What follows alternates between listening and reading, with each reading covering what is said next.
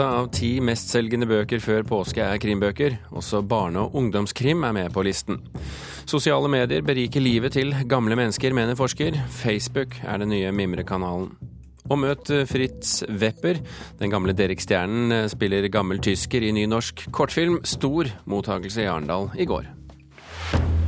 Og Kulturnytt får du med Birger Kolsrud Aasund i studio. Påsketid er som kjent krimtid, og derfor er åtte av ti bestselgende bøker eh, før påske nettopp krimbøker. Men i år får Jo Nesbø og gjengen konkurranse fra barnekrimbøker og én prisvinnende debutant. Her ligger den i nytt opplag med en, eh, en stikker på forsiden hvor det står 'vinner av Riverton-prisen'. Veldig morsomt, selvfølgelig. Høyst uventa, men ikke desto mindre gledelig. I en bokhandel i Oslo står krimforfatter Gard Sveen og nyter synet av debutromanen sin. Nederst så skriver da Rune Fjellvang i Romerikes Blad Gard Sveen debuterer til 18 i stil. Det er jo absolutt gøy. Den kritikerroste forfatteren fikk Riverton-prisen 2013 for sin debutroman 'Den siste pilegrimen'. Prisen går til den som har skrevet årets beste krimbok. Etter at han mottok prisen, har bokens opplag tredoblet seg. Jeg syns det er veldig veldig hyggelig at opplaget nå er blitt så var det 21 000, tror jeg. Men selv om Sveen øker opplaget sitt, er debutromanen langt unna en tidligere Riverton-prisvinner, som den gang var debutant, nemlig Jo Nesbø. Han topper bestselgerlisten før påske med sin bok 'Sønnen', som har et opplag på 205 000. Det er klart Opp til Nesbø er det jo et hav.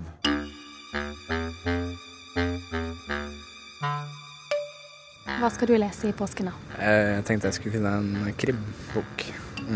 Jeg leser krim. Jeg skal lese litt uh, krim. Sier noen tilfeldige kunder på Ark bokhandel. For påsketid er krimtid, og Nesbø er ikke den eneste krimforfatteren som selger.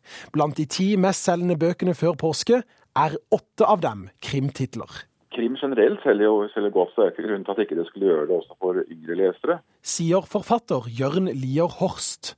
For to av de åtte krimtitlene på lista er nemlig Horst sine barne- og ungdomskrimbøker 'Operasjon påskelilje' og 'Liberty-gåten'. Blant yngre lesere så er det ikke den konkurransen, nærmest. altså. Fordi at altså, Det skrives så veldig mye godt god litteratur for barn og unge i Norge, men det er veldig mye sånn veldig mye som foregår i parallelle universer med vampyrer og blodsugere og den slags. Og lite realistisk, ekte ja, krim, da. Tilbake i bokhandelen står Gard Sveen. Jeg trengte en, en, ordentlig god motor for å skrive, og det krim byr jo selvfølgelig på mange muligheter til å hva skal vi si, skrive om ja, makt, politikk, og så har vi jo en, et drap som skal oppklares.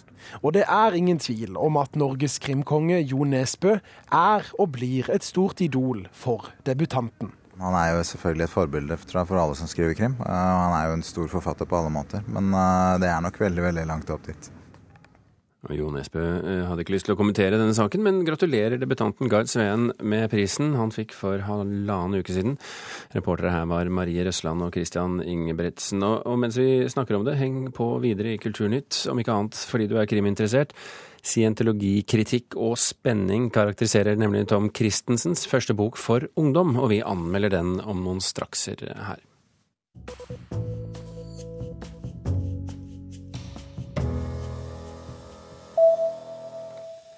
Kulturrådet faser ut støtten til ukeavisen Ny Tid. Korsets seier, ukeavisen Ledelse og Norge i dag. Det melder Klassekampen. Et kutt på 1,5 millioner kroner i støtten Kulturrådet får fra staten, gjør at Kulturrådet har valgt å kutte støtten videre til de fire ukeavisene. Leder i Kulturrådet, Yngve Slettholm, sier til Klassekampen alt at regjeringen trolig vil flytte ansvaret for støtten til ukeaviser til Medietilsynet. Dag Herbjørnsrud, redaktør i Ny Tid, syns Kulturrådet mangler en god begrunnelse for kuttet i støtten. Den europeiske barnefilmen kan få en egen filmpris, melder Sveriges Radio. Prosjektet drives av Det europeiske filmakademiet og har søkt penger fra EU til å gjennomføre dette. Akademiet retter seg mot 12-14-åringer når de nå utvikler barnefilmgallaen Young Audience Award. Den første utdelingen skal skje i mai, og det er barnejuryer som skal stemme frem filmene som vinner. Og filmen The Hunger Games Catching Fire tok med seg tre priser under nattens MTV Movie Awards. Den andre filmen i Hunger Games-serien fikk prisene for årets film og beste mannlige og kvinnelige skuespiller. Filmene The Wolf on, on, Wall Street, This Is The End og Meet The Millers vant to priser hver. Det er MTVs seere som kårer hvem som skal vinne prisene.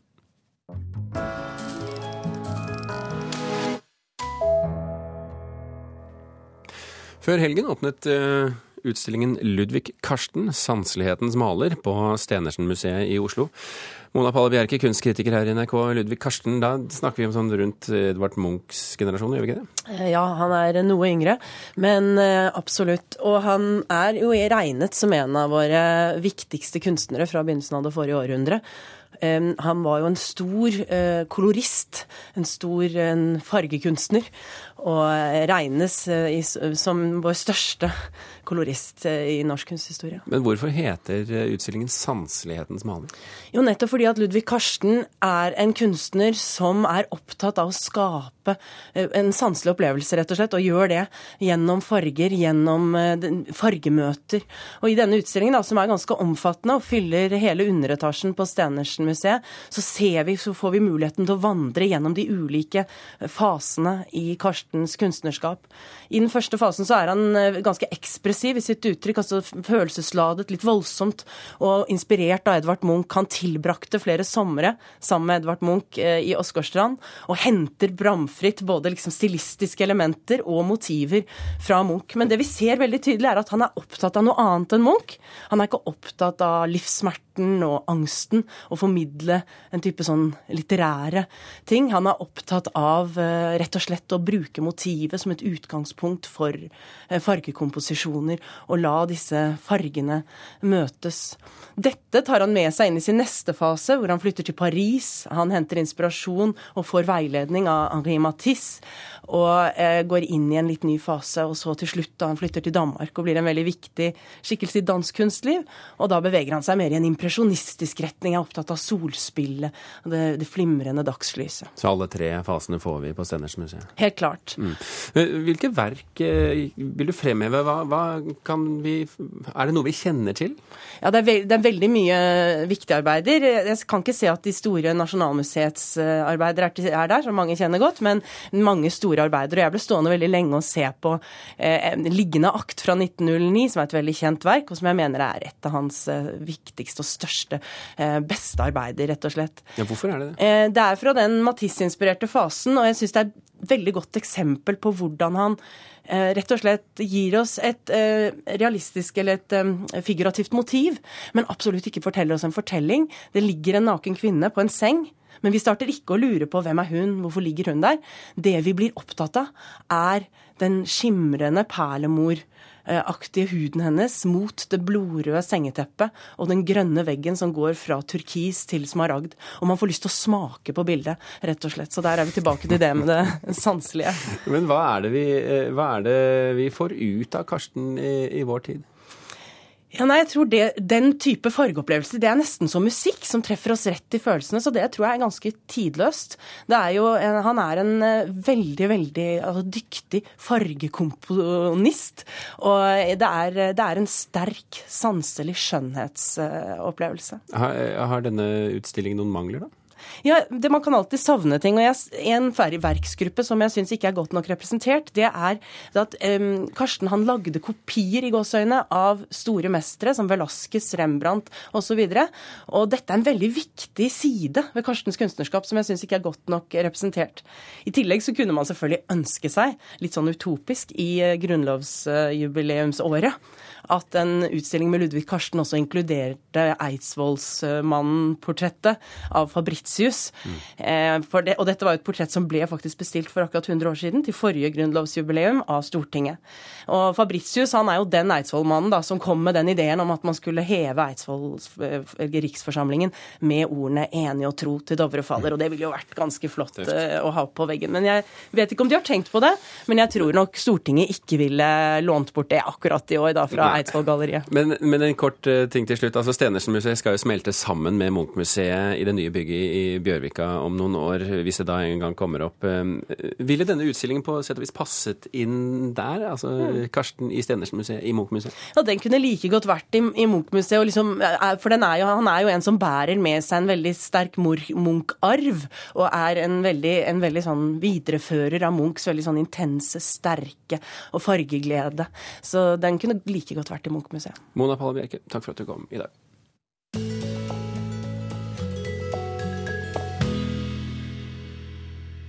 Det var eh, tidvis trangt om plassen utenfor Arendal kino lørdag kveld da Fritz Wepper bedre kjent som Harry Klein i Derrick, kom for å kaste glans over en lokalprodusert kortfilm han selv har hovedrollen i. Gamle venner ble spilt inn på HV på Tromme i fjor sommer, og handler om to eldre tyske menn som kommer tilbake til HV for å lete etter en skatt de gravde ned under krigen.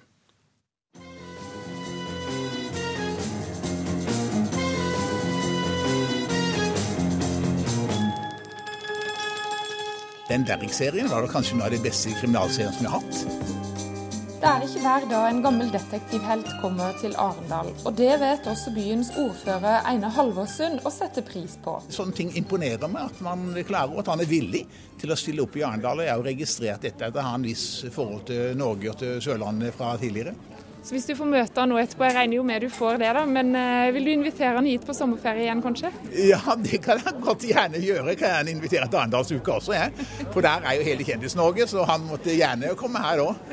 Varaordfører Anders Skylland utsatte påskeferien en dag for å møte sin gamle helt. Jeg er vokst opp på 70- og 80-tallet, og jeg husker jo veldig godt Erik. Så det er en stor dag i dag. Endelig kommer han til den røde løperen, frakta i en mintgrønn trabant.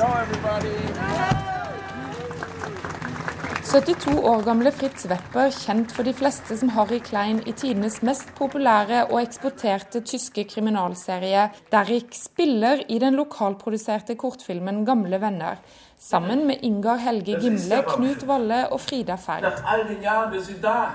Den muntre kortfilmen handler om to eldre tyske menn, spilt av Wepper og Valle, som tjenestegjorde i Norge under krigen. 45 år etter kommer de tilbake til HV for å leite etter en nedgravd hemmelighet. Men da er stedet blitt en campingplass, og sjefen, spilt av Gimle, er ikke glad i tyskere. Jeg snakker bare litt norsk. Um, hva er kostnaden, Marima? 100 kroner. 200 kroner. Når jeg fikk den telefonen fra Sverre om at jeg skulle spille med Fritz Wepper, han var jo også min helt. og Gimle. Fra, han var liksom det pene alibiet i eh, hva heter den kjekke som vi liksom identifiserte oss med han litt unge, pene mannen. da. Og at han var så hyggelig i virkeligheten som vi alltid har trodd han var. da. Han er jo et oppkom av historier. og han, Vi var akkurat som vi hadde kjent han i 50 år når vi møtte hverandre. Så for meg var det en stor opplevelse å møte han.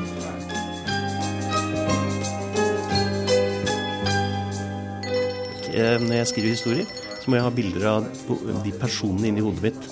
Da gjør det litt lettere å skrive. Og den tyskeren jeg hadde det sterkeste forhold til, var Fritz.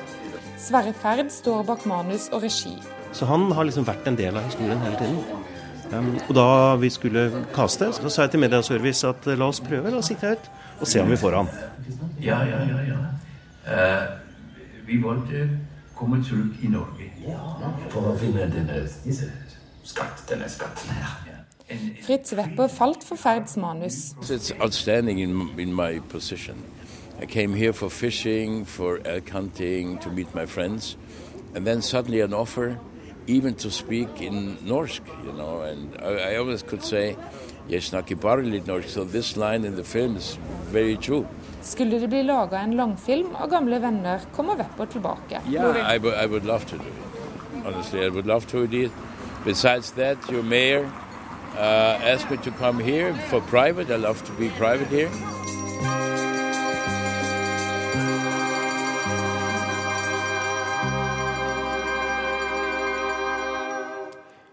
Og vi i NRK vi har kjøpt denne kortfilmen, og er ut, den er også plukket ut til konkurranseprogrammet under sommerens kortfilmfestival i Grimstad. Reporter i Arendal, det var eh, Miriam Grov.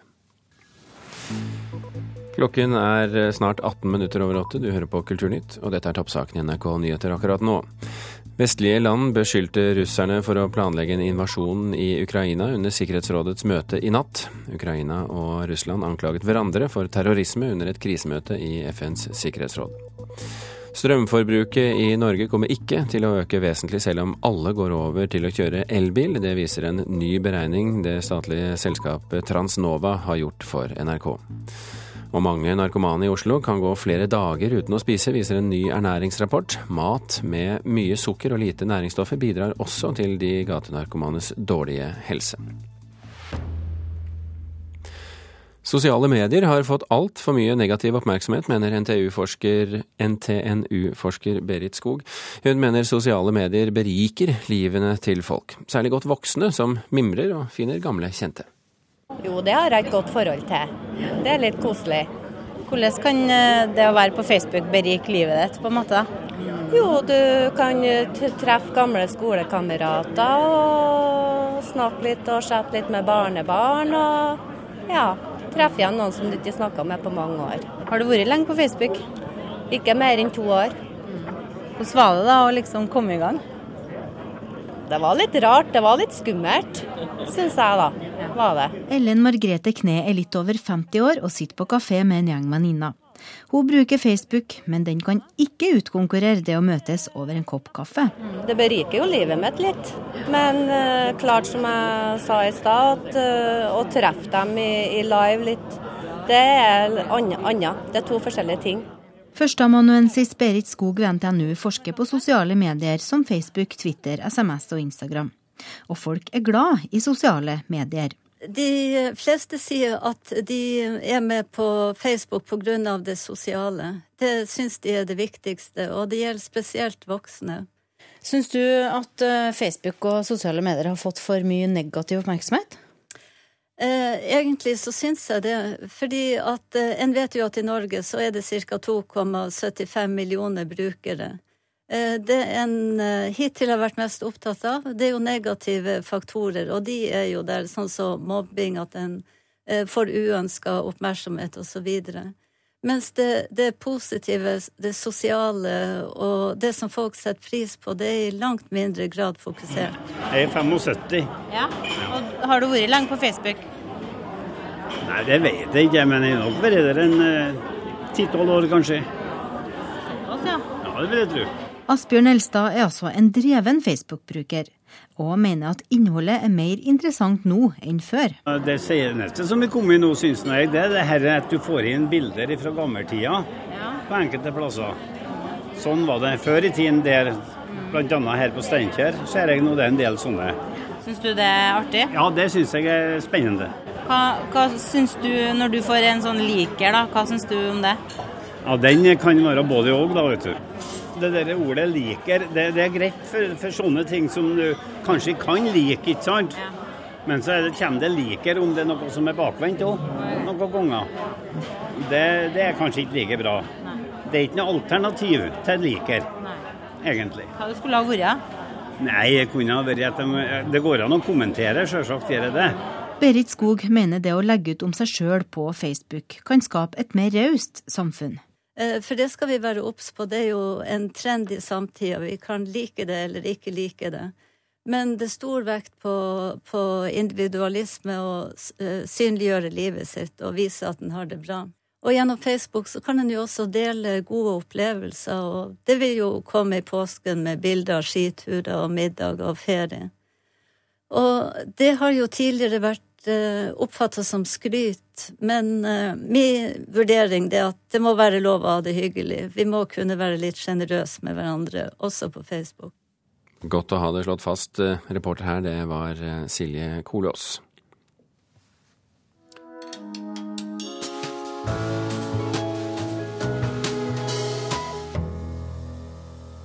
Som krimforfatter er Tom Christensen durkdreven. Men som forfatter for ungdom er han eh, derimot debutant, noe den første ungdomsboken hans, World of Spycraft, er et eksempel på. Den har riktignok noen fine tilløp, men treffer ikke helt med sjargongen, mener vår anmelder Anne Katrine Straume.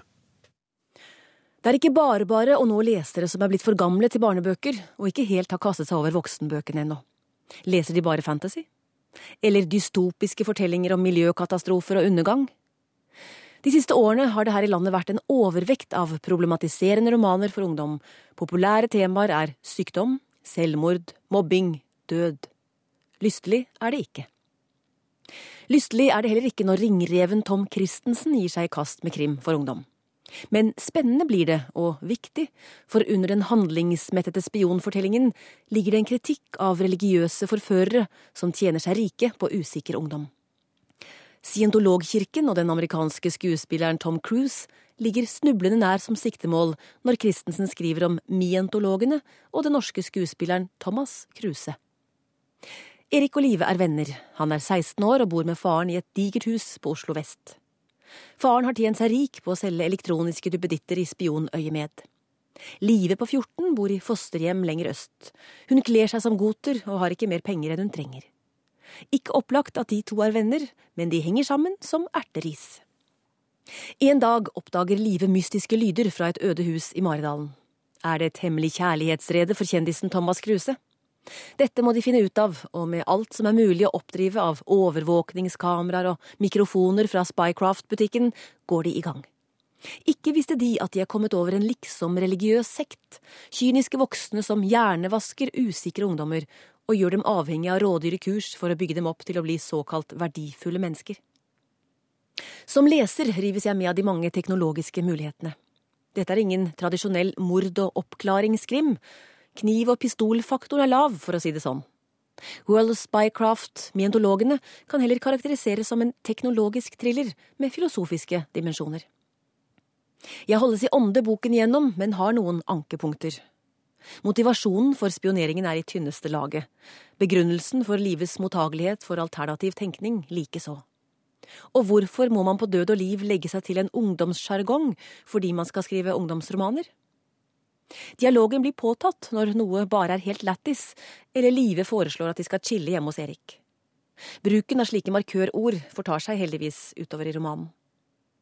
Tom Christensen skal ha ros for å skrive spennende for ungdom. En seriøs thriller som attpåtil setter samfunnsproblemer under lupen, er kjærkomment i raden av de eksistensielle identitetskrisene norske ungdomsromaner for øvrig er overbefolket av. Når han nå først har funnet en slående tittel og to typer som er passe nerdete på hvert sitt vis, skal vi nok ikke se bort ifra at det kommer flere ungdomstrillere fra Tom Christensens hånd. Det trodde Anne Katrine Straume. Og vi gjør oppmerksom på at du finner denne og en rekke andre anmeldelser for eh, påskekrim, av påskekrim for barn og unge på nettsidene våre nrk.no. Tiden er knapp for arrangøren av Eurovision Song Contest 2014, som avvikles den 10. mai i København. Valget av et gammelt skip, skipsverft som arena har budt på både budsjettoverskriding og andre ekstra utfordringer. Men Danmarks Radio sier de fremdeles er forelsket i stedet, som vil gjøre årets Grand Prix til et helt nytt type show.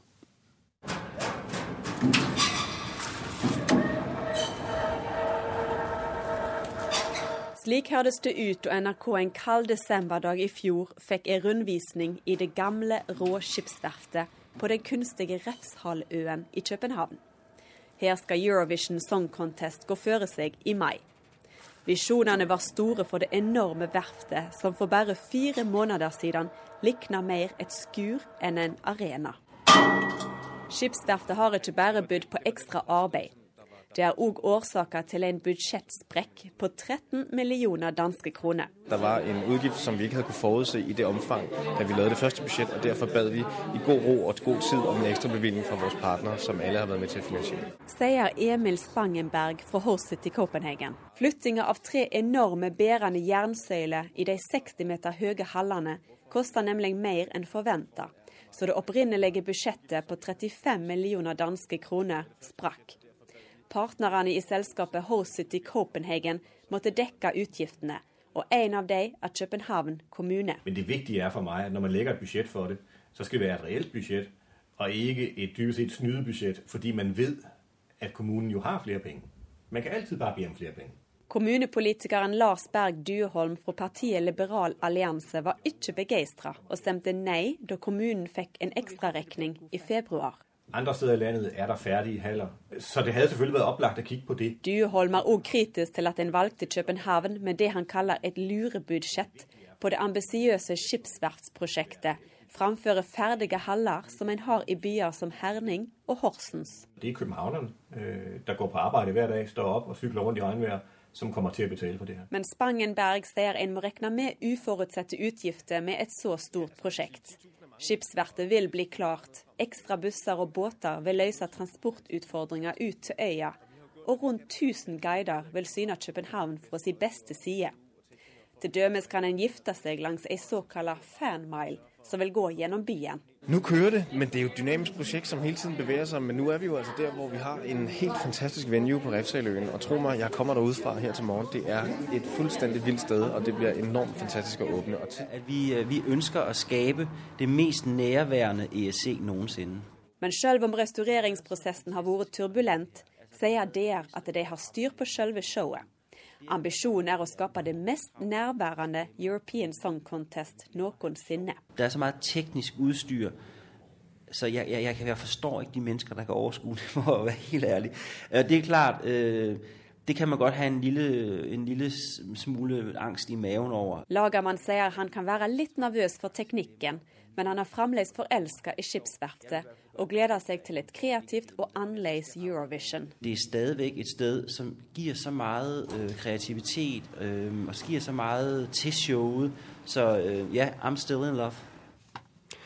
Og totalt har danskene satt av 238 millioner kroner til arrangementet. Reporter i København, det er Tove Ren Gerhardsen.